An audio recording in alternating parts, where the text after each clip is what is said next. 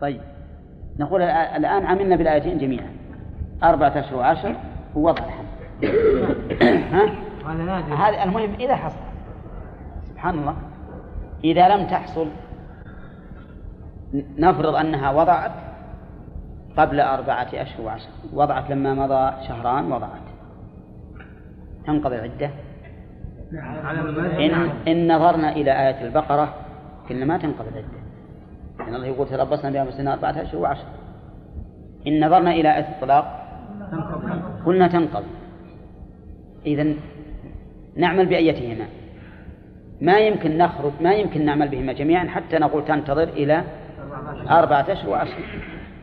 طيب مضى عليها أربعة أشهر وعشر والحمل لم لم ينزل. ما وضعته؟ باقي عليه شهرين وقد مضى عليها أربعة أشهر وعشر. إن نظرنا إلى آية البقرة قلنا انقضت العدة. وإن نظرنا إلى آية الطلاق قلنا لا تنقض ما انقضت لأن ما وضعت. إذا فتبقى حتى تضع. ولهذا ذهب علي بن أبي طالب وعبد الله بن عباس إلى أنها تعتد بأطول الأجلين. تعتد بأطول الأجلين. وحجتهما ظاهرة. لأنه ما يمكن العمل بالآيتين إلا هكذا إلا هكذا. ولكن السنة تأبى ذلك. سنة الرسول عليه الصلاة والسلام تأبى ذلك. فإن سبيعة الأسلمية مات عنها زوجها ونفست بعده بليال ليال معدودة. فأرادت أن تتزوج فجعلت تتجمل للخطاب. فمر بها أبو السنابل بن باكر فقال ما لك؟ يعني تجملين للخطاب. لا يمكن أن تفعل أن تفعلي حتى يتم لك أربعة أشهر وعشر. أخذا بإيش؟ بأطول الأجلين. أخذا بأطول الأجلين. هذا هو المعقول. لكن ذهبت إلى النبي عليه الصلاة والسلام شدت عليه ثيابهم وشد الرسول صلى الله عليه وسلم. وسألته فقال كذب أبو السنابل. يعني أنه أخطأ. الكذب يراد به الخطأ أخطأ ثم أذن لها أن تتزوج. أذن لها أن تتزوج. ففي هذا الحديث الثابت في الصحيحين دليل على أن عموم آية الطلاق مقدم على عموم آية البقرة. ويكون المعتبر إذن وضع الحمل سواء كان دون أربعة أشهر وعشر أو فوق أربعة أشهر وعشر. وهذا هو الصحيح على أنها تعتد بوضع الحمل طالت المدة أم قصرت. نعم. طيب وقول قوله تعالى أن يضعن حملهن وقول المؤلف إلى وضع كل الحمل لو لو أبطل حمل تنتظر؟ أه؟ تنتظر وسيأتينا إن شاء الله. منتهى مدته أطول مدة. نعم. إيش وإنما تنقضي بما تصير به أمة أم ولد. تنقضي العدة بما؟ أي بوضع ما تصير به أمة أم ولد. يحتاج الآن نراجع هذا. باب العتق. بماذا تصير الأمة أم أم ولد إذا وضعت ما تبين فيه خلق الإنسان. إذا وضعت ما تبين فيه خلق الإنسان بأن بانت مفاصله بانت يديه ورجليه وراسه. بين. لا عبرة بالخطوط لأن الخطوط الخطوط بإذن الله تشاهد حتى وهو علقة.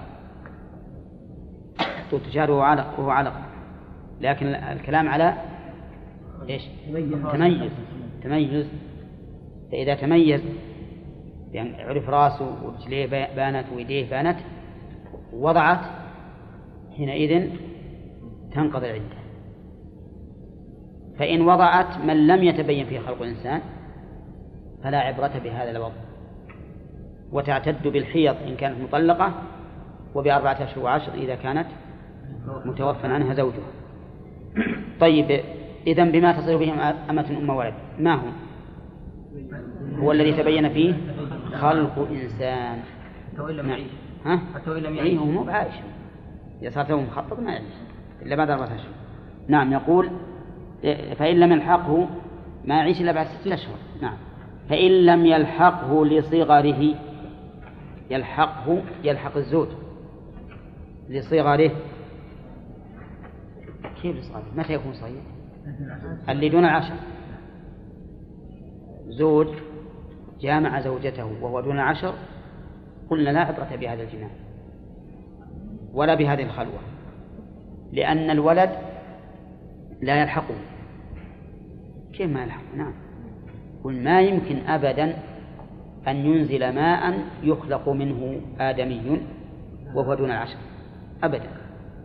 حتى لو فرض أنه للشهوة وأنزل ماء فلا, فلا يمكن يخلق منه ولد حتى يتم له عشر سنين. أو لكونه ممسوحا. وشلون لكونه ممسوحا يعني ما له ذكر. ها؟ ما له ذكر. وهو ما يلحقها الولد نعم. كذا يعني سواء بأصل الخلقة أو مقطوع. وهو ما يلحقه. إذا بماذا تعتد؟ تعتد بعد الوضع بعد الوضع بما يكون عدة لها من حيض أو أربعة أشهر وعشر. لا لا أطراف السن نعم. كيف؟ تعتد. إيه؟ كيف تضعه؟ كيف؟ ما هو له الولد هذا. إيه يكون زاني ما أعرف ما علينا منه. زين هو زاني ولا غير زاني المهم ما هو له يعني هذا رجل تزوج وهو ممسوح. ما له ذكر. وطلق زوجته. ثم وضعت. بعد ستة أشهر بعد سبعة أشهر بعد ثمانية أشهر. نقول هذه ما تنقضي بها العدة. السبب لأنه لا ينسب له لعدم إمكان وطئه هذا السبب. أو أو ولدت لدون ستة أشهر منذ نكحها يعني فإنها فإنه لا يلحق. بعد أن تزوج امرأة ثم طلقها وهي حامل. طلقها وهي حامل. تبارك. ثم وضعت الحمل بعد أن مضى على عقد النكاح عليها خمسة أشهر وعاش الحمل. لا يلحقون. لا يلحقون هل تنقضي العدة به؟ ما تنقضي لأن هذا الولد لا ينسب إليه. إذا بعد وضعه تعتد بثلاث حيض. تعتد بثلاث حيض.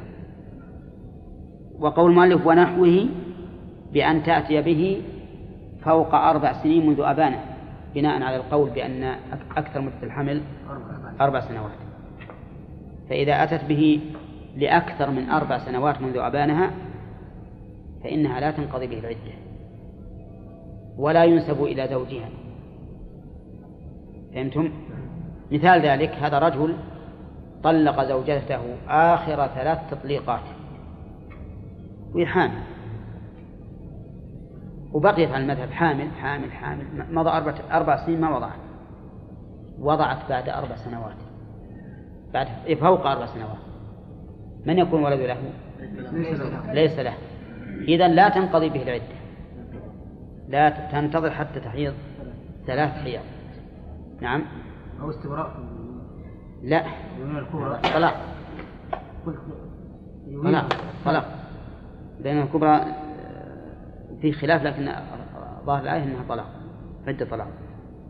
طيب يقول المؤلف وعاش قوله عاش يعود على قوله لدون ستة أشهر.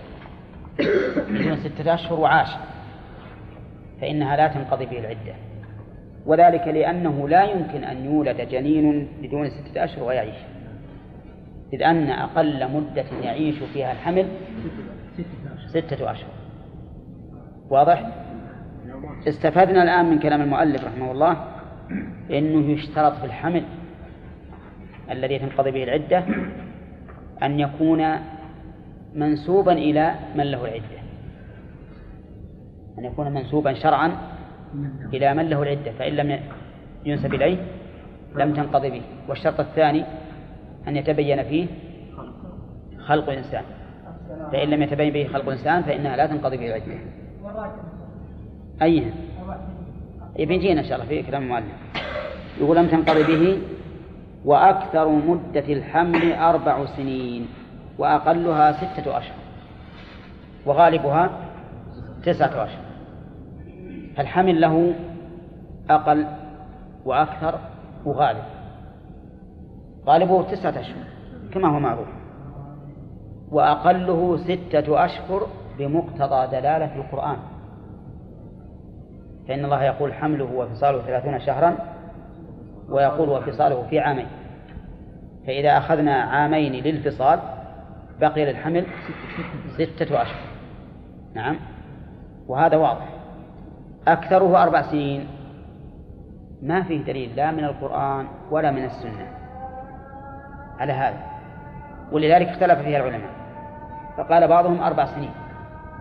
وقال بعضهم سنتان وقال بعضهم ست سنوات وقال بعضهم سبع سنوات وقال آخرون لا حد لأكثره لأن الكتاب يعني القرآن دل على أقله ولم يذكر أكثره ولأن المعنى يقتضي ذلك فإذا رأينا امرأة حاملا وما زال الحمل في بطنها ولم يجامعها أحد ومضى أربع سنوات نقول الحمل الآن مهب لزوجها ها؟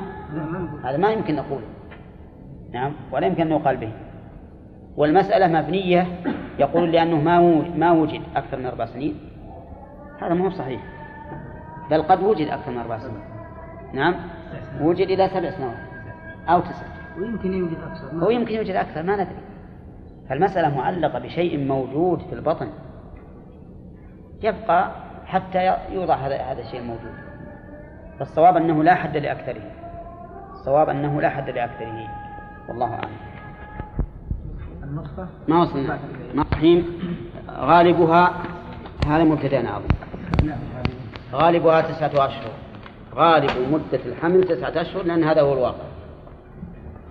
طيب ما هو أقل زمن يتبين فيه خلق الإنسان؟ أقل زمن يتبين فيه خلق الإنسان واحد وثمانون يوما. وغالب زمن يتبين فيه خلق الإنسان تسعون يوما. ثلاثة أشهر. هذا الغالب. والحمل عرفتم الآن. غالب وغالبه تسعة أشهر. طيب ما قولكم في رجل طلق امرأته فولدت لخمسة شهور؟ وعاش. لخمسة شهور منذ منذ نكحها وعاش. تنقضي العدة ولا لا؟ ليش؟ إيه، لأن هذا أقل ما ما وصل إلى أقل مدة إذا تبتدي عدة طلاق من جديد. تبتدي عدة طلاق من جديد. بعد الوضع. طيب. نعم. البارحة أظن أشكل عليكم كونه ممسوح؟ الممسوح هو الذي قطع ذكره وأنثياه هذا الممسوح. الذي قطع ذكره وأنثياه فإن قطعت أنثياه فقط فهو خصي. وإن قطع ذكره فقط فهو مجبوب عندنا مجبوب وخصي وممسوح. نعم. رفع العدة بعد خمسة أشهر من الطلاق ولا من بين الحمل؟ لا من من من نكاحه. من نكاح آخر مرة النكاح. من نكاحه يعني من عقد عليها من عقده عليها كيف؟ هنا يقول المؤلف رحمه الله ويباح إلقاء النطفة قبل أربعين يوما بدواء مباح. يباح يعني يحل. إلقاء النطفة قبل أربعين يوم. النطفة هي القطرة من المني. يباح إلقاؤها من إيه؟ من الرحم. لكن اشترط المؤلف أن تكون قبل أربعين يوما. أربعين يوما من ابتداء الحمل. وذلك لأنه يبقى بإذن الله أربعين يوما نطفة كما قال النبي عليه الصلاة والسلام. ثم يكون علقة مثل ذلك. ثم يكون مضغة مثل ذلك. ثم يرسل إليه الملك فينفخ فيه الروح. اشترط المؤلف شرطا آخر بدواء مباح. بدواء مباح. فأما بدواء محرم فإنه لا يجوز. فلا, فلا بد من شرطين. أن يكون قبل إلقاء قبل أربعين يوما وأن يكون بدواء مباح. وظاهر كلام المؤلف سواء كان ذلك لحاجة أم لم يكن. وعلم من قوله قبل أربعين يوما أنه بعد أربعين يوما لا يباح إلقاء ولو لم تنفخ فيه الروح وإن لم تنفخ وهو وهو كذلك على المذهب. والمسألة فيها لها ثلاث حالات.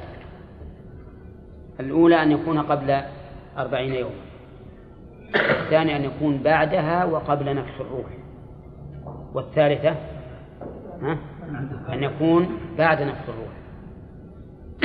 أما بعد نفخ الروح فيه, فيه فيأتي إن شاء الله التفصيل فيه قريبا. وأما قبل أربعين يوما ففيه خلاف بين أهل العلم. المشهور من المذهب الجواز إنه يجوز للمرأة أن تشرب دواء تسقط الحمل إذا كان قبل أربعين يوم. قالوا لأنه الآن نطفة. ما بعد تكون إلى علقة.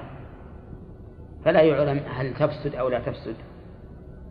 ولأن الإنسان يجوز له أن يعزل. يجوز أن يعزل.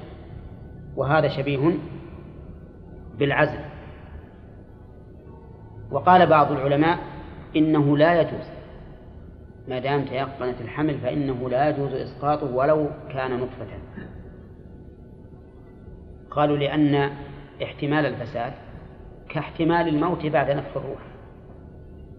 ما دام إنه علق وصار الحيوان المنوي علق بالبيضة فاحتمال أن يفسد وارد كما أن احتمال أن يموت بعد نفخ الروح فيه وارد أيضا. لكن الأصل أنه باقي. وليس كالعزل لأن العزل منع وهذا رفع. أولى العزل منع يعني منع الماء أن يدخل في الرحم وهذا رفع يعني رفع هذا الماء الذي وصل إلى الرحم وعلق وابتدأ تكوين إنسان فبينهما فرق.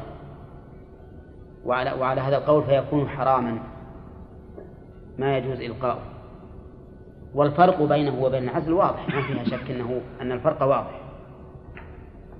ولكنه يأتي على الحالة الثانية إذا كان علقة. هل يجوز إلقاؤه أم لا؟ المذهب لا يجوز إلقاؤه لأن العلقة دم والدم مادة الحياة. فالآن انتقل وتحول وتغير من الماء الذي لا قيمة له إلى ها. إلى دم. دم هو ابتداء خلق الإنسان. ومنه ماء وهي وهو مادة الروح. ولذلك إذا نزف دم الإنسان فإنه يبقى. أو يموت. يموت. قالوا فإذا كان فإذا وصل إلى هذه المرحلة فإنه لا يجوز إلقاؤه. وقال بعض العلماء بل يجوز إلقاؤه. لأنه دم. والدم لا قيمة له. فإن النبي عليه الصلاة والسلام حرم بيع الخمر والميتة والخنزير والأصنام. والله حرم علينا بيع حرم علينا أكل الميتة ولحم الخنزير. فإذا يكون لا قيمة له. يكون ما له قيمة فيجوز إلقاؤه. وليس آدميا محترما حتى نقول إنه لا يجوز. أما بعد نفخ الروح فيه فإنه لا يجوز إلقاؤه. ولكن إلقاؤه بعد نفخ الروح فيه له أحوال. تارة يلقى في حال يعيش فيها. يلقى في حال يعيش فيها. مثل إذا إذا تمت التاسع مثل المرأة وحصل عليها صعوبة في الوضع. يجوز إلقاؤه ولا لا؟ يجوز إلقاؤه. ما دون بشرط أن نأمن السلامة يعني أن لا يكون في ذلك خطر على حياته ولا على حياة أمه. فإن كان في ذلك خطر فهو حرام. الثانية أن أن يوضع أو أن يلقى قبل أوان نزوله. مثل يلقى وله خمسة شهور ستة شهور قبل أوان النزول. فهذا يحرم لأن الغالب أنه أنه لا يسلم. يحرم لأن الغالب أنه لا يسلم. اللهم إلا فيما لو ماتت الأم وهو حي ورجي بقاؤه لو أخرج فهذا ربما يقال بالجواز. طيب لو قال قائل الآن الحمل قد نفخت فيه الروح وتحرك لكن أمه لو بقي لكان خطر عليها تموت. وإذا ماتت ها؟ سيموت. فهل ننزله الآن ولا ما ننزله؟ ها؟ أنتم فاهمين المسألة؟ هذا جنين في بطن أمه قد نفخت به الروح. وقالوا إن بقي حتى يخرج فإنه فإنها تموت. له وإن أخرجناه في تسلم. هل نخرجه؟ ها؟ طيب. نقول الآن نضرب مثلا هذا رجل ميت من الجوع. وعنده طفل. مملوء لحم وشحم. صغير. لحمه لين. وهذا الرجل ميت من الجوع. يقول إذا ما أكلت الطفل هذا مت. وش نقول؟ لا لا لا الطفل صغير. ها؟ ولحمه رقيق. أي نعم. نقول هذا لا يجوز. لا يجوز أن نخرجه من بطن أمه ونحن نعرف أنه بيموت فإذا قال قائل إن أبقيتموه مات هو يا أمه. فخسرتم نفسين ها؟ نقول لكن هذا ليس بفعلنا إذا أبقيناه ومات أمه ماتت هو مات هو هذا ليس بفعلنا هذا بفعل الله عز وجل. أما إذا نزلنا نحن الطفل ومات بفعلنا فنحن الذين قتلناه. ثم نقول ربما تموت الأم ويكون مثلا عندنا أجهزة نشق بطنها بسرعة ونخرج الولد ويسلم. وفي الحالة الأولى ربما نظن أنه لو بقي ماتت ويكون مع المعالجة والمداراة والحمية. نعم تسلم الأم. ومع هذا الولد يمكن يسلم المهم أنه ما هو على كل حال الأم فبهذا نعرف أنه أن الشرع كله خير وأن الإنسان لو استحسن شيئا قد يفوته أشياء وإلا في بادئ الأمر يقول كوننا نقتل نفسا ولا نقتل نفسين أحسن. يقول أبدا هذا فرق بين اللي من فعلنا واللي من فعل الله وعلى هذا فإذا نفخت فيه الروح فإنه لا يجوز إخراجه على وجه لا نأمن سلامته ويكون عليه خطر فيه. طيب إذا قال قائل إذا كان بين النطفة ونفخ الروح بين النطفة ونفخ الروح والآن مثل علقة أو مضغة لكن ما نفخت فيه الروح واضطررنا إلى تنزيله بحيث أنه لو بقي في بطن أمه لخشي عليها الهلاك. ننزله ولا لا؟ في هذه الحال ننزل لأنه إلى الآن ما نفخت فيه الروح. والأم خطر عليها. يعني قالوا قال الأطباء إنه تسعين في المئة يمكن تموت. نقول هذا لا بأس به لأن ما في ذلك ما في ذلك قتل نفس. ولهذا الجنين في هذه في هذه المرحلة لو أنه نزل من بطن أمه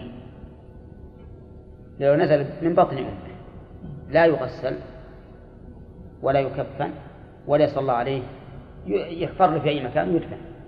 لأنه إلى الآن لم يكن إنسانا ولا يبعث يوم القيامة. لأنه ما صار إنسان. وتأمل هذا في قوله تعالى يا أيها الناس إن كنتم في ريب من البعث فإنا خلقناكم من تراب ثم من نطفة ثم من علقة. نعم. ثم من مخلقة وغير مخلقة لنبين لكم ونقر في الأرحام ما نشاء إلى أجل. مسمى ثم نخرجكم طفلا ها؟ ومنكم من يتوفى ومنكم من يرضي الأرض فقوله نخرجكم طفلا هذا بعد الأطوار السابقة. وفي الآية الأخرى يقول ثم أنشأناه خلقا آخر بعد ذكر العلقة والمضغة. فكسونا العظام لحما ثم أنشأناه خلقا آخر. شوف خلقا آخر من حيث الصورة والجسم ما تغير. لكن من حيث أنه صار إنسانا يحس ويدرك جعله الله تعالى خلقا خلقا آخر. فتبارك الله أحسن الخالقين. طيب الخلاصة الآن نقول الذي يترجح لنا في هذه المسألة أنه لا يلقى حتى ولو قبل الأربعين. إلا إذا كان لحاجة قبل الأربعين أو لضرورة فيما بين الأربعين إلى نفخ الروح. وأما بعد نفخ الروح فلا فلا يخرج أبدا. نعم. نفخ الروح هو غالب يقين أربعة أشهر. إذا مضى أربعة أشهر نفخت فيه الروح. ثم قال فصل الثانية يعني من المعتدات المتوفي عنها زوجها أو المتوفى. متوفى. وش الفرق بين متوفي ومتوفى اسم فاعل واسم مفعول. نعم والصواب اسم مفعول. لأن الله تعالى يقول الله يتوفى الأنفس حين موتها. فالإنسان متوفى. ويجوز لكنه لغة ضعيفة جدا أن نجعل هذا باسم الفاعل متوفي يعني متوف أجله ورزقه. يعني قد استوفاه واستكمله. لكن الأول هو الأصح. المتوفى عنها زوجها بلا حمل منه. احتراز من إيش بلا حمل؟ من من الحامل. طيب والحامل؟ تقدم أن عدتها وضع الحمل. بلا حمل منه قبل الدخول أو بعده. قبل الدخول أو بعده وقبل الخلوة أيضا ها؟ نعم وقبل الخلوة طيب وهل يشترط أن تكون ممن يوطأ مثلها وهو ممن يوطأ ممن يطأ مثله ها؟ ما اشترط يعني. في عدة الوفاة ما يشترط إلا شرط واحد فقط وهو أن يكون النكاح غير باطل. أن يكون النكاح غير باطل. أما ما ولا يشترط سوى ذلك. فلا يشترط وطء ولا خلوة ولا كبر ولا عقل ولا شيء. ولهذا نقول قبل الدخول وبعده وقبل الخلوة وبعدها وفي حال الصغر وفي حال الكبر. طيب لو لو عقد له على طفلة لها سنتين أو لها سنتان ومات عنها. تعتد وتحاد وتحاد. نجنبها الزينة والطيب ونخليها في البيت ما تطلع. إلا الحاجة؟ لا نحط العبيب حتى تقعد في البيت. آه المهم أنه لا يشترط الكبر. يعني البلوغ مو شرط والعقل مو بشرط. وكونه يمكن وطئها وطئها ويمكن أن يولد له ليس بشرط مطلقا. والدليل على ذلك عموم الآية. والذين يتوفون منكم ويذرون أزواجا. ما قيد الله فيها شيء مجرد كونها زوجة. ولهذا ترث منه ويرث منها. نعم. إي نعم بناء على الغالب نعم. إذا عقد له يعني ها؟ تعتبر زوجة. نعم. ويجوز يعني. يجوز يجوز بشروط هذا تقدم مثلا في النكاح. يقول أربعة أشهر وعشر نعم قبل الدخول بعده للحرة أربعة أشهر عندي أنا عشرة بالتاء أيام. ها؟ وعشرة أيام بلياليها عندكم سلام أربعة أشهر إيه. وعشرة. أيام بليالي هذا بالشرح. عندي بالتاء على أن الم... التمييز مذكر. أربعة أشهر وعشر. لكن تقدم لنا أن ثلاثة إلى عشرة تؤنث مع المذكر وتذكر مع المؤنث إذا ذكر المميز. أما إذا لم يذكر فيجوز الوجهان. وعلى هذا فيكون قوله تعالى والمطلقات يتربصن بأنفسهن أربعة أشهر وعشرا. هي عشر ليال؟ كما قاله كثير من الناس. ولكن عشرا عشرة أيام. لأن أشهر للزمان النهاري. فكذلك عشرة أيام. لكنها لم تؤنث لأنه لا يجب تأنيث العدد مع تذكير المعدود إلا إذا ذكر إذا كان مذكورا. المهم للحرة أربعة أشهر وعشرة أيام. الدليل الآية. والذين يتوفون منكم ويذرون أزواجا يتربصن بأنفسهن أربعة أشهر وعشر. ما هي الحكمة في أنها أربعة أشهر وعشرة حكمة لماذا؟ نعم. الحكمة في ذلك والله أعلم أنها حماية لحق الزوج الأول. حماية لحق الزوج الأول. ولذلك لما عظم حق الرسول عليه الصلاة والسلام صارت نساؤه حراما على الأمة في كل الحياة لعظم حقه.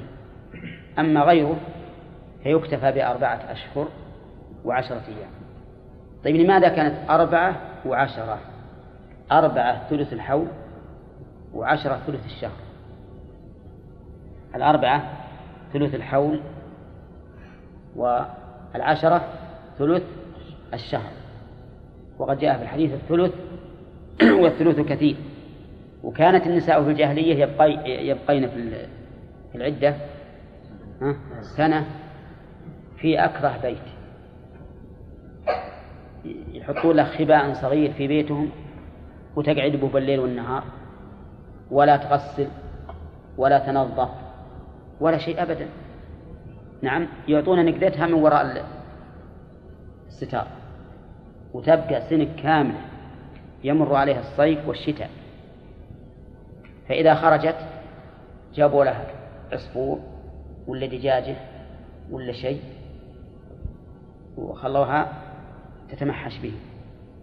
إذا تمحشت به ومات فهذه ممتازة من كراهتها ورائحتها. ثم ماذا تفعل؟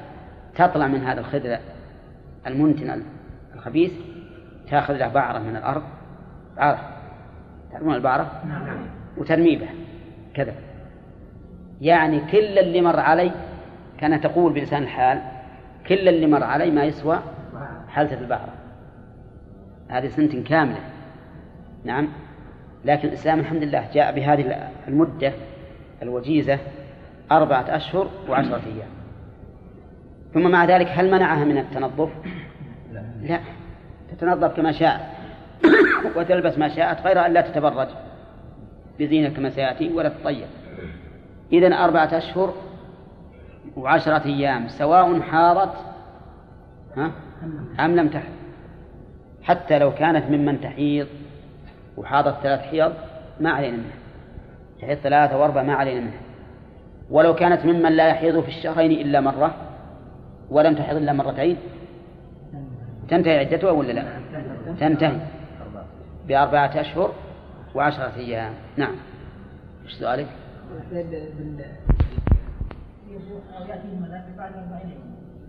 إيه ذكر فتح الباري كلام طويل عليها. راجع يقول طيب وللأمة نصفها. يعني شهران وخمسة أيام. فإن قال قائل حق الزوج لا فرق فيه بين الأمة وبين الحرة. وأنتم تقولون إن أربعة أشهر وعشرة أيام من أجل حماية الزوج حق الزوج. ها؟ فأي فرق بين الأمة والحرة؟ ثم إن الآية عامة والذين يتوفون منكم ويذرون أزواجا يتربصن بأنفسهن أربعة أشهر وعشر قلنا هذا صحيح. هذا تعليل صحيح. يعني فعندنا الآن لو قال قائل ليش تجعلون على النصف؟ وعندنا عموم الآية وعموم المعنى. عموم الآية هذه امرأة متوفى عنها زوجها. وعموم المعنى ما هو عموم المعنى؟ أن حماية حق الزوج لا فرق بين أن تكون المتوفى عنها أمة أو حرة فالجواب على ذلك أن الصحابة أجمعوا على أن المطلقة عدتها نصف الحرة. على ما نقل عنه. فهذه مقيسة عليها. بل إن بعضهم حكى الإجماع على أن المت... على أن المتوفى عنها إذا كانت أمة تعتد بشهرين وخمسة أيام. نعم. والحقيقة أن الآية لو تمسك أحد بعمومها وبعموم المعنى لكان له وجه وهو أرجح إلا إذا منع من ذلك إجماع. ولكن الإجماع لم يمنع منه فإنه قد نقل عن الأصم وعن الحسن أنهما كان يريان ذلك. فأقول إن القول بأنه لا فرق بين الحرة والأمة هو القول الصواب ما لم يمنع منه إجماع. فإن منع منه إجماع فالحجة به. نعم. شيخ. نعم. الآية الذين يتوفون منكم دون أزواج. نعم. قلنا أن الأمة ما تعتبر زوج. لا إذا كانت زوجة مو بالأمة التي وضعها سيدها. هذيك تسمى سرية. مثل زوجة أمة أنا زوجة واحد وهي لي ملك مات عنها هذا الرجل صار ترك زوجها. واضح؟ يقول المؤلف ولمت نصفها فإن مات زوج رجعية في عدة طلاق سقطت وابتدأت عدة, عدة وفاة منذ مات وإن مات من أبانه إلى آخره هذه المثل اللي بدأ المؤلف إذا مات الإنسان وزوجته في عدة فلا تخلو من ثلاث حالات إما أن تكون رجعية أو بائنا لا ترث أو بائنا ترث. طبعا إذا مات الزوج وزوجته في عدة منه فلا تخلو من ثلاث حالات. إما أن تكون رجعية أو بائنا لا ترث أو بائنا ترث. كم ذولي؟ ثلاث. اسمع للرجعية يقول إن مات زوج رجعية في عدة طلاق سقطت وابتدأت عدة, عدة وفاة منذ مات. مثال ذلك رجل طلق زوجته طلاقا رجعيا حاضت مرتين وبقت عليها الحيضة الثالثة ومات. تبتدئ؟ عدة وفاة من جديد. من منذ مات تعتد أربعة أشهر وعشرة أيام. وهي ما بقي عليها الآن إلا كم على عدة الطلاق حيضة واحد. لكن الآن نقول تستأنف عدة وفاة أربعة أشهر وعشرة أيام. واضح؟ طيب. الدليل الدليل قوله تعالى وبعولتهن أحق بردهن في ذلك. المطلقات. بعولتهن أحق بردهن في ذلك إن أرادوا إصلاحا وجه الدلالة من الآية أن الله سمى المطلق بعلا أي زوجا. فإذا ضمنت هذه الآية إلى قوله ويذرون أزواجا ها صارت الرجعية زوجة متروكة بعد الوفاة. فيلزمها عدة الوفاة. واضح الآن؟ طيب.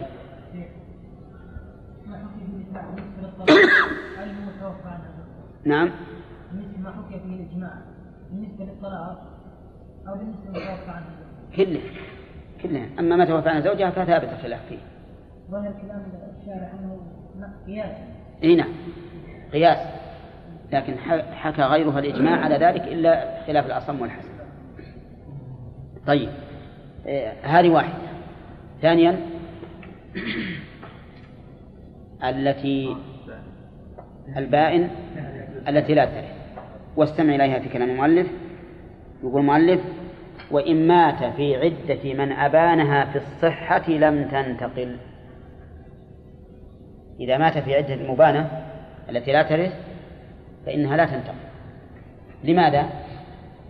لأنها أجنبية منه ما يملك ردها. البينونة لها طرق كثيرة كما سبق. منها أن تكون هذه الطلقة آخر ثلاث تطليقات.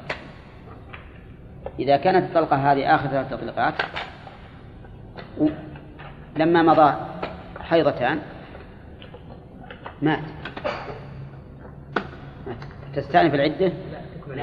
تكمل العدة يبقى عليها حيضة واحدة. وذلك لأنها ليست زوجة. ولا علاقة بينها وبين زوجها بأي شيء من علائق النكاح. فلهذا لا تنتقل. ومثلها من طلقها على عوض. رجل طلق زوجته على عوض واعتدت بحيضتين ثم مات. قبل الثالثة ماذا تصنع؟ ها؟ تستمر يعني تكمل الحيضة وتنتهي لماذا؟ لأنها ليست زوجة لم وليس بينها وبين زوجها شيء من أحكام النكاح قروش يعني قالت دوك, دوك الجهاز وطلقها إيه. يقول وتعتد من أبانها وتعتد من أبانها في مرض موته الأطول من عدة وفاة وطلاق. ما لم تكن أمة أو ذمية أو جاءت البينونة منها فلطلاق لا غير. شف تعتد من أبانها في مرض موته. لكن شروط كما سيأتي. من أبانها في مرض موته إذا أبانها في مرض موته متهما بقصد حرمانها. متهما بقصد حرمانها. ثم مات. ثم مات وهي في العدة. هل ترث ولا ما ترث؟ ترث لأنه متهم. في العدة تعتد الأطول من عدة وفاة أو طلاق. الأطول من عدة وفاة أو طلاق. عدة الوفاة متى تبدأ؟ من وفاته. وعدة الطلاق تكميل. إذا أيهما الأطول؟ عدة الوفاة؟ أي ما نقدر نقول الوفاة. يمكن ما تحيض إلا بعد شهرين مرة. ها؟ أنا سألتني امرأة تقول إنه يقعد عنها الحيض أربعة أشهر. لكن يجيها الحيض شهر كامل. سبحان الله. هذا عجائب. ما تحيض لكن يجي الحيض كأنه والله أعلم يجتمع في شهر واحد. سبحان الله العظيم. أقول تعتد الأطول من عدة وفاة وطلاق. ولهذا المؤلف قال الأطول من عدة وفاة وطلاق. نعيد المثال مرة ثانية للإيضاح. رجل طلق زوجته في مرض موته المخوف متهما بقصد إرمانها في أثناء العدة مات. لنفرض أنه مضى حيضتان. ومات. وش نقول؟ تعتد الأطول من عدة الوفاة والطلاق. فإن كانت عدة الوفاة أطول اعتدت بها. وإن كانت عدة الطلاق أطول اعتدت بها. ها؟ طيب ما في دليل؟ فيه التعليل. التعليل يقولون لأنها زوجة وليست زوجة.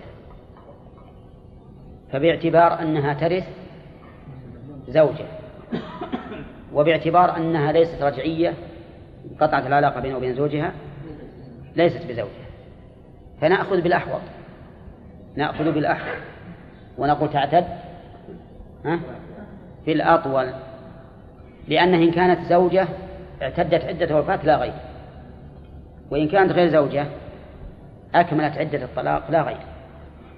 فإذا كان فيها شائبة من هذه ومن هذه فإننا نقول بماذا؟ تعتد بالأطول لأنه هو الأحوط. أظن واضح إن شاء الله. المثال. رجل طلق زوجته في مرض موت مخوف متهما بقصد حرمانها لما حاضت مرتين مات. يقول الآن نشوف أين أطول. تقول والله تحيض بالشهر مرة. كم بقى عليها باعتبار الحيض؟ شهر. شهر.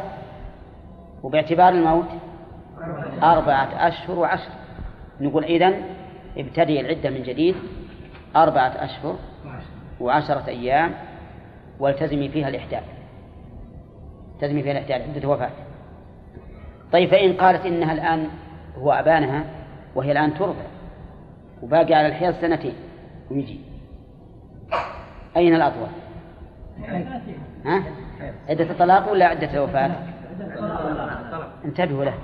هذا رجل مطلق عدته ويت... امرأته وهي ترضع الحيض عادة ما يأتي المرضع. وهي لازم تنتظر حتى يأتيها الحيض وتحيض مرتين. آه تحيض ثلاث مرات. الآن الأطول بلا شك.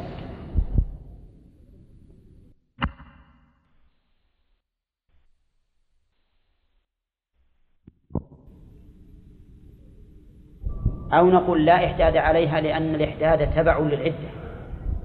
والآن العدة هي عدة طلاق وليست عدة وفاة. هذه محل نظر. هذه محل نظر والظاهر أن الإحداد من توابع العدة. فإذا كانت فإذا ألزمناها بعدة الطلاق فلا إحداد. وإذا ألزمناها بعدة الوفاة فعليها الإحداد. طيب الآية الآية اللي عندنا كلام المؤلف يقول ما لم تكن أمة أو ذمية. ليش استثنى الأمة والذمية؟ لا لا لأن الأمة لا ترث. الأمة لا ترث. فلو طلقها في مرض موته المخوف يتهم بقصد حرمانها ولا لا؟ لا. ليش؟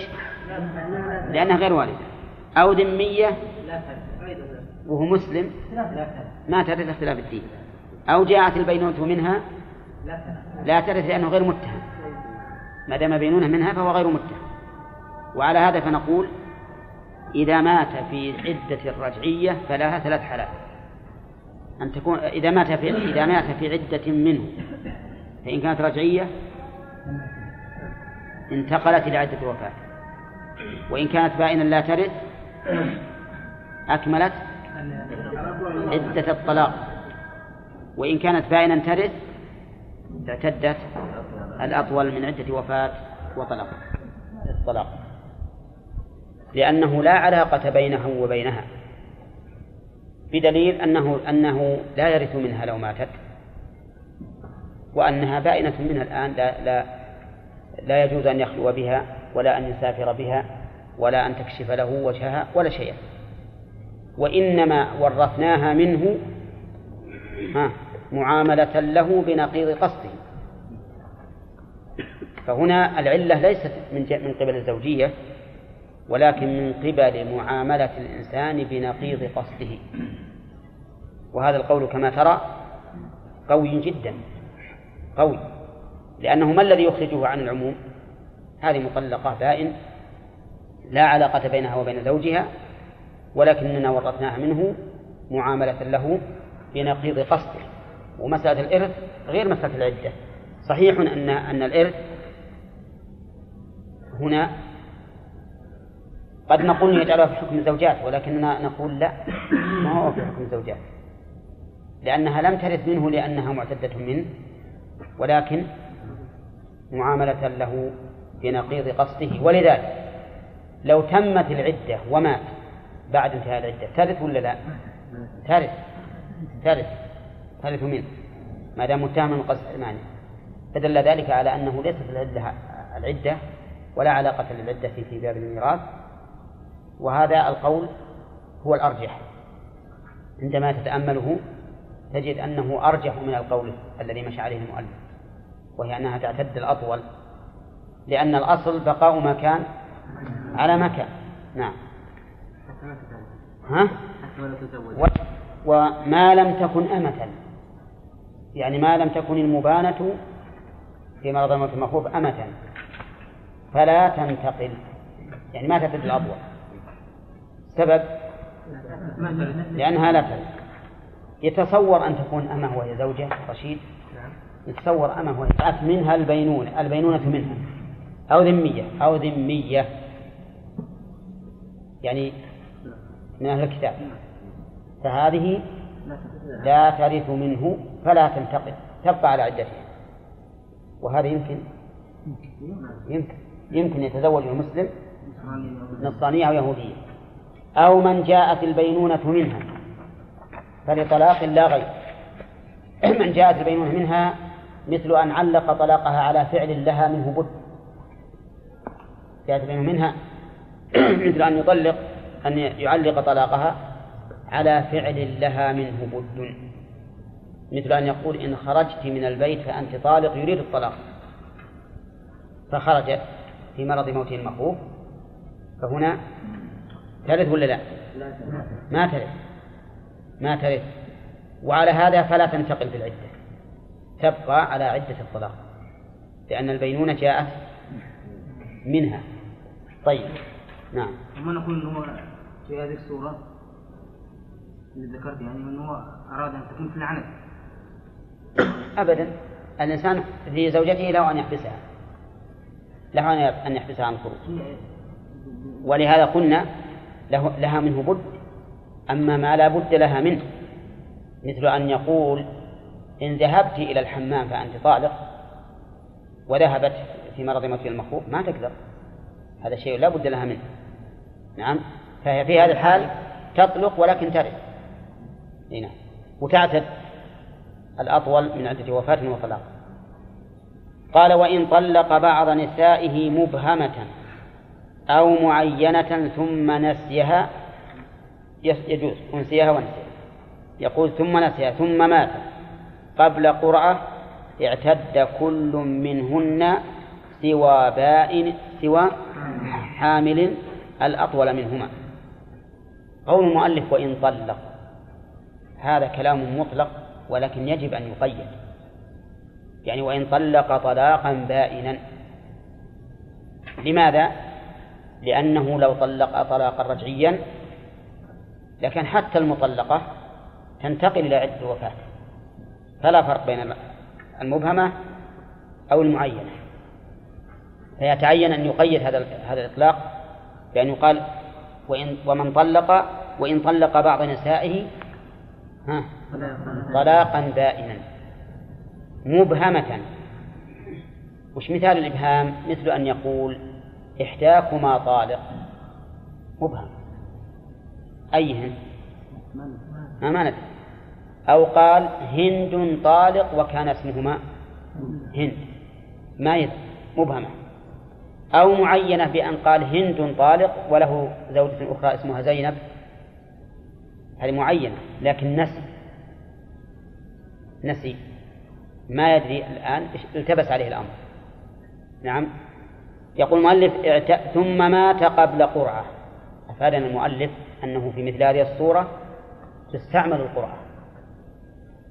وقد سبق لنا في باب الشك في الطلاق أنها تستعمل القرعة بينهما. فمن وقعت عليه القرعة فهي الطالب. فهنا يا عيسى نستعمل القرعة. لكن هذا الرجل مات قبل أن يقرع بينهما. يقول اعتد. كل منهن أي من نسائه الأطول منهما. من خالد خالد. الأطول منهم. من إيش؟ من عدة الوفاة وعدة الطلاق. لماذا؟ لأن كل واحدة منهن يحتمل أن تكون هي المطلقة. والأخرى غير مطلقة. والأخرى غير مطلقة. طيب. اللي غير مطلقة تعتد عدة الوفاة والمطلقة تعتد عدة طلاق. هنا ما ندري أيهما أيتهما هل هي هند ولا زينب ولا عائشة؟ ما ندري. ما نخرج من من التبعة بيقين إلا إذا ألزمنا كل واحدة منهن ها الأطول من عدة وفاة وطلاق. طيب. ما نحتاج إلى قيد آخر يقول من طلق بعض نسائه وهو في مرض موته يحتاج نقيد وهو في حال صحته يعني وهو في حال صحته يحتاج ولا لا؟ بناء على القاعدة اللي بناء على القاعدة اللي إذا طلق طلاقا بائنا في مرض موته وش قلنا؟ إذا مات تعتد الأطول. الآن إذا كان الطلاق بائنا. نعم. وهو في مرض موته المخوف. ومات عنهن كله في مرض موت المخوف ومات عنهن كلهن. اللما التي لم تطلق وش يلزمها؟ ها؟ عدة وفاة. والتي طلقت يلزمها الأطول. يلزمها الأطول. مفهوم؟ فإذا نقول كل منهن يلزمه الأطول سواء في مرض الموت أو في حال أو في حال الصحة. أو في حال الصحة. لازم أن تعتد الأطول.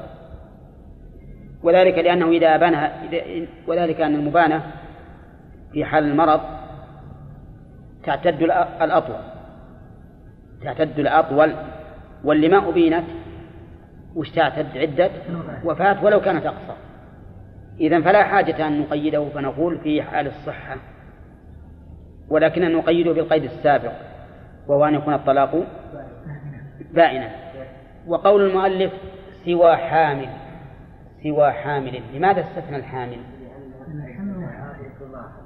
إيه لأن عدتها بوضع الحمل سواء كانت مبانة أو للوفاة. فعدتها بوضع الحمل. ما فيه أطول وأقصر. هذا السبب لاستثناء الحامل. وخلاصة المسألة هذه أن من أن من طلق واحدة من نسائه مبهمة أو معينة ثم أنسيها فلا يخلو من حالين. إما أن تكون إما أن يكون الطلاق رجعيا أو بائنا. فإن كان رجعيا؟ انتقل الجميع ها إلى عدة الوفاة لأن الرجعية في حكم الزوج. وإن كان بائنا اعتد الجميع الأطول من عدة وفاة وطلاق ها؟ الحامل الحامل لا ما في أطول. السبب أنه استثنى حامل استثناء الحامل لا وجه له في الواقع. استثناء الحامل لا وجه له. نعم. لأن لماذا؟ لأن الحامل ها؟ عم العدة ال- أي نعم الحامل ما فيها أطول وأقصر عدة الطلاق وضع الحمل وعدة الوفاة وضع الحمل. أي نعم. نعم. الأطول منهما. الثالثة الحائل. الحائل. طيب الحائل يعني اللي غير حامل. إذا كانت للوفاة فما عدتها؟ أربعة أشهر وعشر. ولهذا عدة الوفاة هي أسهل شيء. عدة الوفاة للمتوفى عنها حالان حمل أو حائل. حامل أو حائل. ها؟ الحامل وضع الحمل والحائل أربعة أشهر وعشر لكن المفارقة في الحياة هي اللي فيها تفاصيل. طيب الحائل ذات الأقراء المفارقة في الحياة. ثلاث شروط الحائل احترازا من الحامل ذات الأقراء احتراز ممن ليست ذات أقراء. والثالث المفارقة في الحياة احترازا من المفارقة بالموت فقد سبق الكلام عليه. شروط ثلاثة. هذه عدتها يقول قرآن أو ثلاثة قروء يقول المؤلف رحمه الله ترى أنا ترك جملة بالعناية. يقول المفارقة في الحياة. فرقة الحياة ما هي؟ طلاق أو فسخ طلاق أو فسخ لكن الفسخ يتنوع. ذكرنا لكم ان ابن القيم ذكر في بدائع الفوائد أن الفرقة عشرين نوع. عشرون نوعا طيب يقول المفارقة في الحياة فعدتها ثلاثة قروء كاملة وإلا قرآن. عدتها ثلاثة قروء وإلا قرآن. ما هو الدليل على أن عدتها ثلاثة قروء؟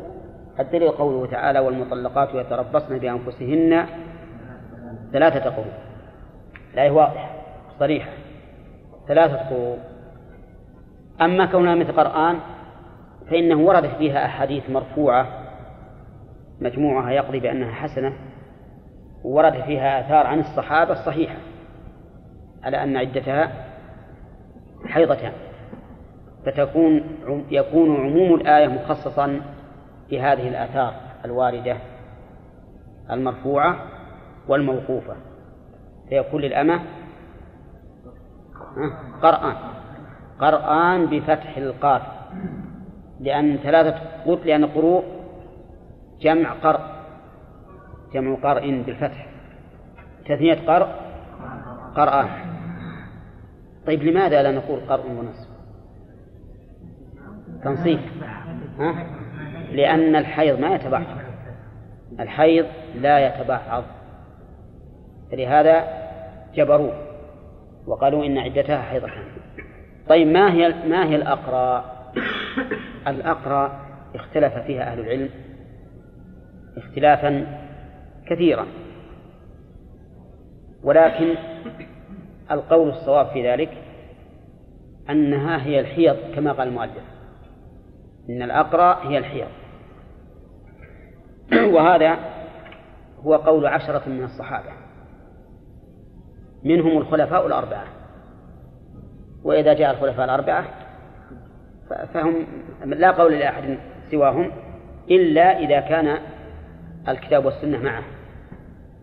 فالخلفاء الأربعة أبو بكر وعمر وعثمان وعلي كلهم يقولون بهذا القول. وابن مسعود معاذ بن جبل وابن عباس جماعة كثيرين كلهم يقولون بهذا القول أنها هي الحيض. وهذا هو ظاهر القرآن والسنة. هو ظاهر القرآن والسنة. لقوله تعالى يتربصن بأنفسهن ثلاثة قروء. ثلاثة قروء. وقال تعالى فطلقوهن لعدتهن. وابن عمر طلق في الحيض. طلق في الحيض فغضب الرسول عليه الصلاة والسلام وأمر بأن تطلق طاهرا. وهذا دليل على أن القرء الحيض على أن القرء هو الحيض. لأن الرسول عليه الصلاة والسلام جعل طلاق ابن عمر طلاقا لغير العدة. ولو كانت الأطهار الأقرى هي الأطهار لكان طلاقه طلاقا للعدة لأنه الآن يستقبل الطهر إذا طلق في حال الحيض. ولكنه إذا جعلنا الأقرى هي الحيض فهو ما يستقبل الأقرى إلا إذا طلق في حال الطهر إلا إذا طلق في حال الطهر. ثم أن الرسول عليه الصلاة والسلام ورد عنه في المستحاضة أنها تجلس أنها تجلس أيام أقرائها أيام أقرائها. ومعلوم أنه لا يريد أيام طهرها وإنما يريد أيام حيضها. والنبي عليه الصلاة والسلام لا شك أن تفسيره هو الحجة لأنه يفسر كلام الله عز وجل وهو أيضا إمام في أهل اللغة. أفصح العرب من؟ محمد عليه الصلاة والسلام. فهو إن إن فسر ذلك بمقتضى التفسير الشرعي للقرآن فهو تفسير شرعي وتفسيره عليه الصلاة والسلام أعلى أنواع تفاسير المخلوقين. وإن فسره بمقتضى اللغة العربية فهو أفصح من نطق بالعربية. وعلى هذا فنقول الصواب أن الأقراء هي الحيض. وعلى هذا فيكون معنى قوله تعالى ثلاثة قروء أي ثلاثة حيض. والمؤلف قال كاملة ثلاثة قروء كاملة. فعلى هذا لو طلق في أثناء الحيضة وقلنا بوقوع الطلاق. فإن البقية هذه لا تحتسب. لأنك لو حسبتها وقلت بعضها حيض بعدها حيضتان صارت الأقرأ ناقصة. صارت حيضتان ونصف. وإن أخذت نصف الرابعة إن أخذت نصف الرابعة بعضت الحيض. والحيض لا يتبعض. وعلى هذا فإذا طلق في أثناء الحيضة فإن بقية هذه الحيضة لا يحسب بناء على القول بأن طلاق الحائض يقع وقد سبق لنا أن القول الصحيح أن طلاق الحائض لا يقع.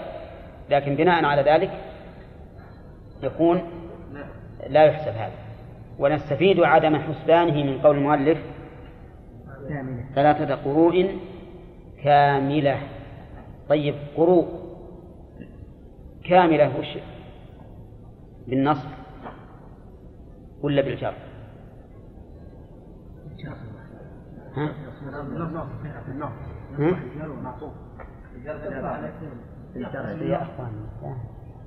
لا لا نذهب. قروء كاملة نعت ثلاثة ولا كاملة؟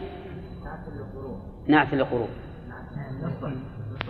يصلح الجميع لا الثاني كاملة ها؟ إيه. الأقرب عندي هي الظاهر يصح الوجهان هذه يصح فيها الوجهان لكن الأقرب عندي أنها صفة لثلاثة يعني لابد أن تكون الثلاثة كاملة ثلاثة كاملة فهي أقرب ولكن يجوز الوجهان نعم لكن لو تقول أطعم عشرة مساكين محتاجين. أو مثلها الظاهر مثله. نعم مثله. طيب في, في هذه الحال نقول يجوز لك فيها الوجهان. النصب ها؟ النصب أو الجر. نعم. في لعدتهن في قبول عدتهن. لا الحديث. نعم. إنه الحديث الحديث الحديث تفسير الآية لأن الرسول فسر لا قال قال إن فتلك العدة التي أمر الله أن تطلق لها النساء. فلو كانت الحيض هي الأطهار لكان ابن عمر مستقبل العدة لكنه لما لما كانت الحيض هي الحيض صار إذا طلق في أثناء الحيضة ما استقبل العدة. هنا. ثم قال المؤلف وقرآن الرابعة من فارقها حيا. ولم تحض لصغر أو إياس. وش هي؟ قلت أنا تركت جمله قاصدا هي هي الحيض الحيض. لا مبعضه ها؟ حرة مبعضه وين؟ لا هذه ما هي ما هي عندي ما هي عندي. فعدة إن كانت في إلى هذا أجل ما شفت. هذه. ما تركتها عمدا لا أنا تركت عمدا الحيض لأني متكلم عليها وحدها. طيب حرة مبعضة ثلاثة أقراء حرة أو مبعضة تكون ثلاثة أقراء وش معنى مبعضة؟ يعني بعضها حر وبعضها رقيق. هذا معنى مبعضة. ويمكن أن يكون ذلك؟ يمكن. يمكن أن يكون ذلك. مثل لو أعتقها أحد الشركاء وهو معسر. هي امرأة مشت- مشتركة. أعتقها أحد الشركاء وهو معسر. فإنه لا يعتق منها إلا ما أعتقه هو والباقي يكون رقيقا. لو تزوجت هذه الأمة ومعلوم شوفوا الأمة المشتركة ما يجوز لأسيادها أن يطأوها لكن يجوز أن يزوجوها. ليش ما يصح أن يطأوها لأن كل واحد ما يملكها إنما يملك بعضها. إذا ما في طريق أن تنال حظها من الاستمتاع إلا بالزواج. فإذا زوجوها إذا زوجوها ومات عنها زوجها فهي الآن قصدي طلقها زوجها فهي الآن مبعضة. مبعضة. كيف تعتد؟ نقول عدتها كالحرة. والتعليل لأن الحيض لا يتبعض طيب. نعم. يقول المؤلف والرابعة من فارقها حيا ولم تحض لصغر أو إياس. يعني من فارقها من؟ زوجها. حيا. يعني بخلاف من فارقها ميت وقد سبق ولم تحض لصغر أو إياس. لم تحض لصغر؟ على صحيح التعبير. لأن لم حرف نفي وجزم وقلب لكن لم تحض لإياس الأولى أن يقال لا تحيض. لا تحيض لأنها قد حاضت ووقفت. لكن المؤلف كأنه من باب التغليب عبر بهذه العبارة. لم تحض لصغر أو إياس. اللام في قوله الصغر للتعليل. يعني لم تحض لأنها صغيرة.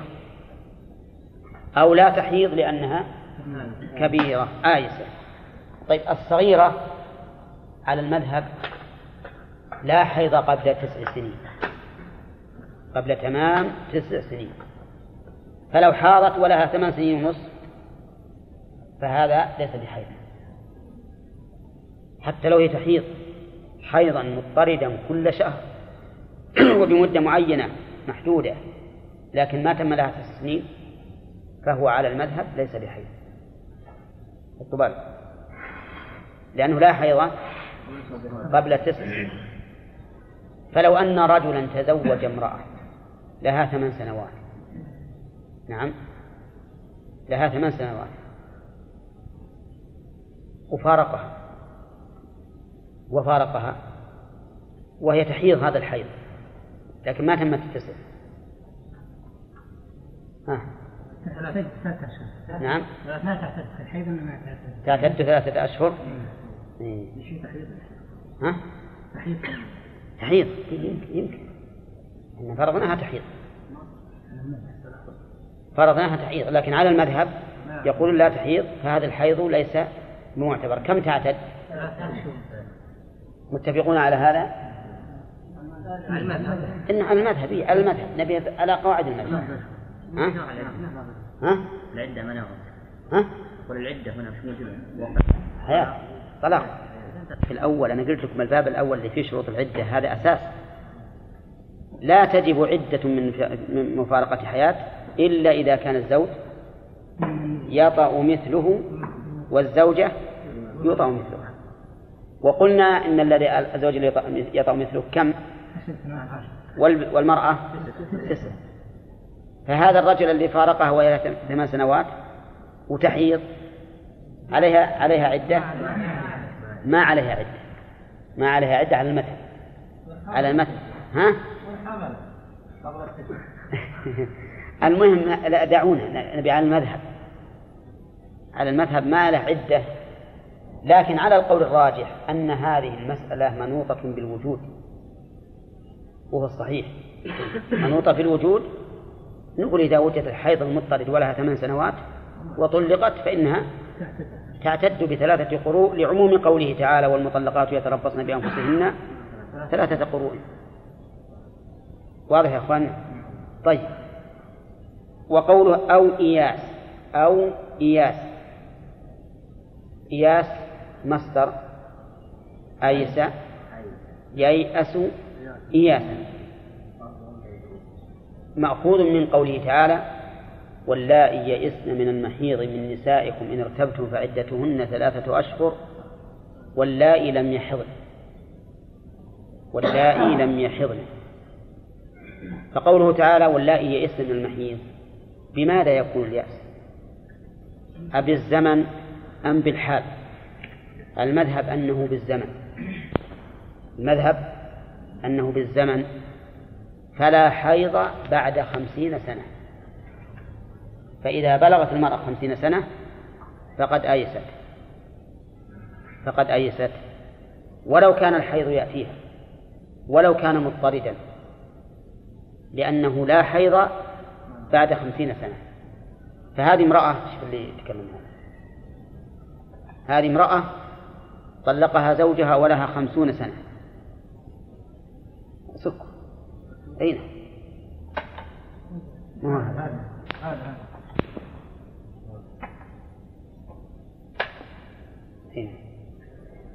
هذه امرأة طلقها زوجها ولها خمسون سنة. وهي تحيض حيضا مضطردا. تحيض كل شهرين مرة منذ بلغت إلى إلى اليوم. كم عدتها على المذهب؟ ثلاثة أشهر. من ثلاثة قروء؟ لأن اليأس عندهم مقيد بزمن وهو تمام خمسين سنة. فإذا طلقت المرأة ولا خمس سنة فإنها آيسة تعتد بثلاثة أشهر. لقوله تعالى واللائي يئسن من المحيض من نسائكم إن ارتبتم فعدتهن ثلاثة أشهر. والقول الثاني أن اليأس منوط بالحال. لا بالزمن وأن ذلك يختلف باختلاف النساء. فمن النساء من تبقى إلى ستين سنة وإلى سبعين سنة وهي تحيض حيضا مضطردا فهل هذه آيسة؟ ما هي آيسة وهذا هو الصواب. لأن اليأس في اللغة العربية ضد الرجاء. اليأس ضد الرجاء. فمتى صارت المرأة في حال لا ترجو وجود الحيض؟ إما لكبر في السن أو ضعف في البنية أو لأي سبب من الأسباب فإنها تكون آيسة ولا نقيدها بالسن لأن الله تعالى ما قيدها بالسن. شوف الفرق بين العلماء. يعني الآن النكاح الفاسد يصير صوره كثيرة بناء على هذا. أولى لأن مثل امرأة لها خمسون سنة وتحيض في الشهرين مرة على المذهب إذا تم لها ثلاثة شهور لو ما حضت إلا مرة. يعقد عليها ولا لا؟ يعقد عليها. وعلى قول الصحيح الراجح لا يعقد عليها حتى يتم لها ثلاث حيض. إذن من لا تحيض لصغر أو إياس عدتها ثلاثة أشهر وأمة شهران ومبعضة بالحساب. شهران عندي. إذا عندي شهران. يصلح طيب. ها؟ معمول تعتد. أنا عندي تعتد. وعدة أمة شهران. نعم وهذا دليل على أن المات أعطى شهران. نعم. ويجوز المسألة بسيطة. وإن شئتم فكونوا ممن يلزم المثنى الألف مطلقا وتستريحون. طيب الآن الآن الشهران. كيف شهران؟ يقولون لأن لأن الله جعل للحرة ثلاثة أشهر وثلاثة قروء وجعل لمن لا تحيض ثلاثة أشهر. ومعنى هذا أن لكل حيضة شهرا وهذا هو الغالب.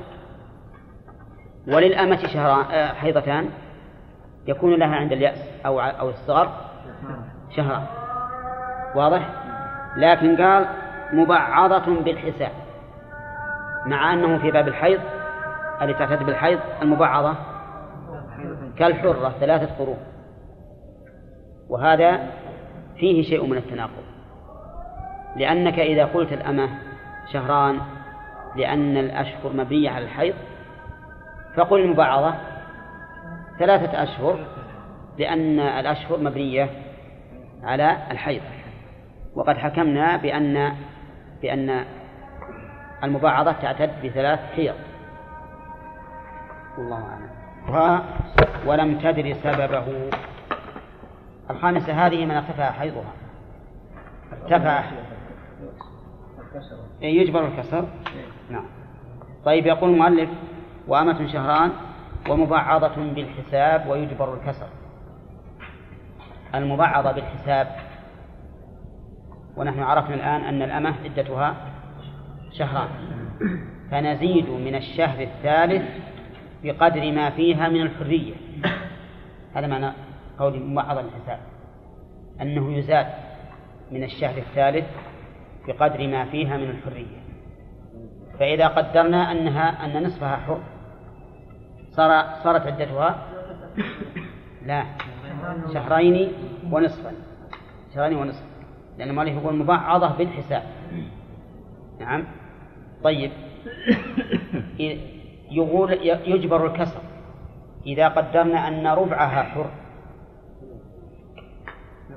سبعة أيام ونصف لكن يقول يجبر الكسر فتكون ثمانية أيام. تكون ثمانية أيام. هذا معنى قوله ومبعضة بالحساب. ويجبر الكسر وكيف الحساب؟ عرفتم القاعدة فيه. ما هو؟ أن نزيد من الشهر الثالث بقدر ما فيها من الحرية. لماذا قلنا من الشهر الثالث؟ لأن عندنا شهرين. عدة الأمن فيكون ما زاد على الشهرين فإنه ينظر لمقدار نسبة ما في هذه المبعضة من الحرية وتأخذ من هذا الشهر الثالث بقدر ما فيها من الحرية. إلا أنه إذا كان ربعها وهو سبعة أيام ونصف نجبر الكسر ونقول ثمانية أيام. نقول ثمانية أيام.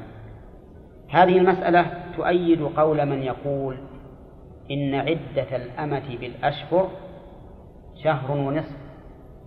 لأن بعض أهل العلم يقول إن عدة الأمة بالأشهر إذا كانت لا تحيض لصغر أو يأس ما هو شهران؟ يقول عدتها شهر ونصف. نعم. ووجه ذلك أن الحيض لا يتبعض وأما الأيام فتتبعض. ولذلك قلتم في المبعضة إن عدتها من الشهر الثالث بالحساب بقدر ما فيها من الحرية. وهذا القول وجيه جدا. لكن الأحوط بلا شك ما مشى عليه المؤلف أن عدة الأمة شهران. ولهذا قال بعض أهل العلم إن عدة المبعضة ثلاثة أشهر. وتعليله بأن الأشهر بدل بدل عن القروء والمبعضة قلنا إن عدتها ثلاثة قروء فإذا كانت الأشهر بدلا لزم أن تكون الأشهر كم؟ ثلاثة أشهر. نعم. الخامسة من ارتفع حيضها هي من ذوات المحيض. ولكنه ارتفع حيضها وهذه تنقسم إلى قسمين. وربما يتبين لنا من أثناء البحث أنها تنقسم إلى ثلاثة. إلى ثلاثة أقسام. أولا من ارتفع حيضها ولم تدري سببه. والثانية من ارتفع حيضها وعلمت سببه. أما من ارتفع حيضها ولم تدري سببه يقول فعدتها سنة تسعة أشهر للحمل وثلاثة للعدة. يعني امرأة من ذوات الحيض. عمرها ثلاثون سنة. ما بلغت سن الإياس ارتفع حيضها. فطلقها زوجها وهي في هذه الحال كم تعتد؟ سنة. سنة. لأن ذلك هو الذي روي عن عمر بن الخطاب رضي الله عنه وقضى به بين الصحابة ولم ينكر عليه. فعلى هذا يكون الاعتماد على قضاء عمر بن الخطاب رضي الله عنه. هذا من حيث الاستدلال بالأثر. أما بالنظر فتسعة أشهر للحمل وثلاثة للعدة. تسعة أشهر للحمل لأن ذلك غالب الحمل. وثلاثة أشهر للعدة لأن عدة الآيسة والتي لم تحض ثلاثة أشهر فتعتد اثني عشر شهرا من فراق زوجها لها. ولاحظوا أن الحكم الآن في من؟ فورقت في الحياة. أما المفارقة في الوفاة فقد علمنا فيما سبق أنها ما لها إلا حالين فقط حامل فعدتها في وضع الحمل غير حامل فعدتها أربعة. أشهر وعشر. يعني هي أسهل شيء. لكن كلامنا الآن في من فورقت في الحياة وارتفع حيضها ولم تدري ما رفعه فتعتد كم؟ سنة كاملة. لماذا؟ أو ما هو الدليل؟ نقول الدليل ما ثبت عن عمر بن الخطاب رضي الله عنه حيث قضى بذلك في محضر الصحابة ولم ينكر. وأما التعليل فتسعة أشهر كما قال المؤلف للحمل وثلاثة للعدة. طيب لماذا قلنا تسعة أشهر للحمل؟ مع أن الحمل يمكن يتبين شهرين أو ثلاثة. نقول بناء على الغالب إن غالب التسعة أشهر. قال المؤلف وت... وتنقص الأمة شهرا. تنقص الأمة شهرا لأن عدتها بالأشهر شهران فيكون لها تسعة أشهر للحمل وشهران للعدة لماذا لا نقول إنه في الحمل نصف الحرة لأن الحمل أمر طبيعي لا يختلف فيه النساء الأحرار. والإماء كلها غالب الحمل عندها تسعة أشهر طيب وتنقص من شهرا طيب المبعضة.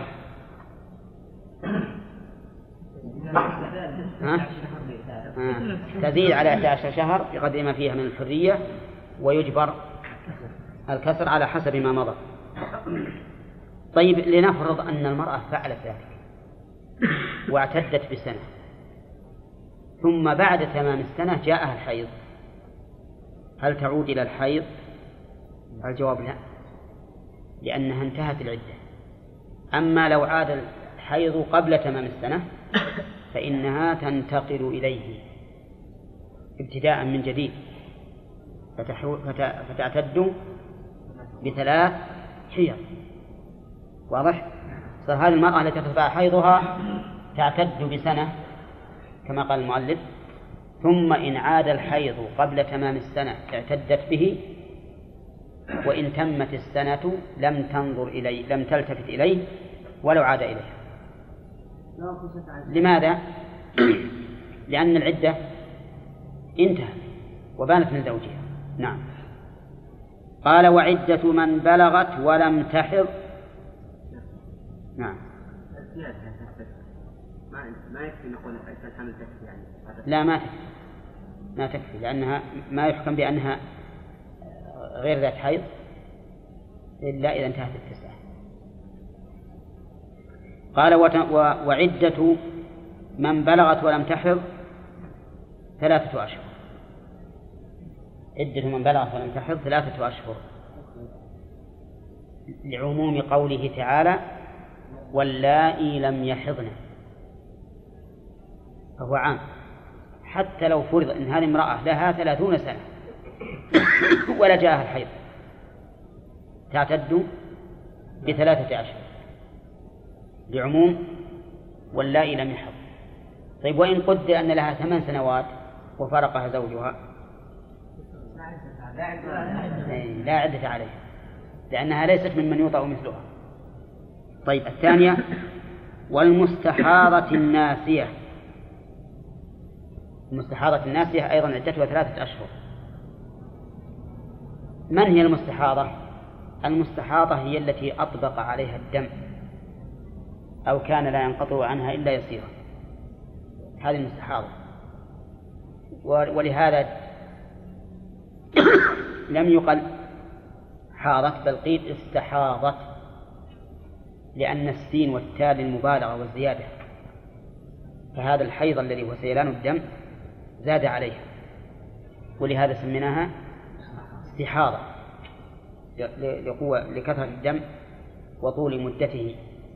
والاستحاضة مرض من الأمراض لكنه يعتاد النساء كثيرا وهو كما قال النبي عليه الصلاة والسلام عرق وركضة شيطان. عرق قال العلماء إنه عرق ينبثق من أدنى الرحم مو من أقصاه الحيض من قاع الرحم وهذا من, أدنى الرحم. وركضة من الشيطان لأجل أن يفسد على المرأة عبادتها. ويوقعها في شك وحيرة. نعم وهذا أمر ما نعلمه إلا من طريق الوحي. هذه الاستحارة تأتي المرأة فلا تخلو من ثلاث حالات. الأولى أن تكون معتادة. فتجلس عادتها ثم تغتسل وتصلي وتفعل كما يفعل الطاهرات. الثاني أن لا يكون لها عادة أو تنسى عادتها. فترجع إلى التمييز. إلى التمييز. كيف التمييز؟ ينظر إلى الدم. دم الحيض له علامات. له علامات ثلاث. ذكرها العلماء وذكر بعض الأطباء علامة الرابعة. العلامات الثلاث هي السواد والثخانة أو السخونة. والثالثة الإنتان الرائحة الكريهة دم الحيض أسود منتن ثخين ودم الاستحاضة أحمر رقيق لا رائحة له هذا تمييز بين فإذا كان إذا كانت عادتها غير مضطردة ناسيتها مثلا أو جاءها الاستحاضة من ابتداء الأمر فإنها تعمل بماذا؟ بالتمييز العادة ما عندها ما كيف لا؟ بالتمييز وقال بعض العلماء تقدم التمييز على العادة. وهو إحدى الروايتين عن أحمد ومذهب الشافعي. أن التمييز مقدم على العادة. لو هي تعلم العادة وعندها تمييز تأخذ بالتمييز. وقال إنه ليس من المستبعد أنه لما جاءها الحيض تغيرت العادة. والتمييز إن طابق العادة فأمره ظاهر. كيف؟ يجتمع العادة والتمييز ما في إشكال. لكن إن خالف العادة بأن كانت عادتها من أول الشهر لكن ما رأت التمييز إلا في نصف الشهر. حينئذ يتعارضان. فهل نقدم التمييز أو نقدم العادة؟ نعم في خلاف فمن العلماء من قال نقدم العادة وهو المشهور من مذهب الإمام أحمد وهو ظاهر الحديث. أن الرسول عليه الصلاة والسلام أمرها أن تجلس قدر ما كانت حيضتها تحبسها ولأنه أضبط أضبط وأسلم للمرأة من الاضطراب لأن التمييز يمكن يجي اليوم في الشهر هذا في أوله في الشهر الثاني في وسطه في الشهر الثالث في آخره وربما يعني يتغير عليه. فإذا قلنا ارتبطي بالعادة صار ذلك ها؟ أيسر لها أيسر لها وأسهل. وهذا ترجيحه واضح. وترجيح من يقول بأنه يرجع إلى التمييز أيضا قوي وجهه قوي لأنه يقول ما دام عندنا تمييز هذا دم ثخين أسود منتن وذاك دم أحمر رقيق لا رائحة له. كيف نقول هذا استحاضة والأول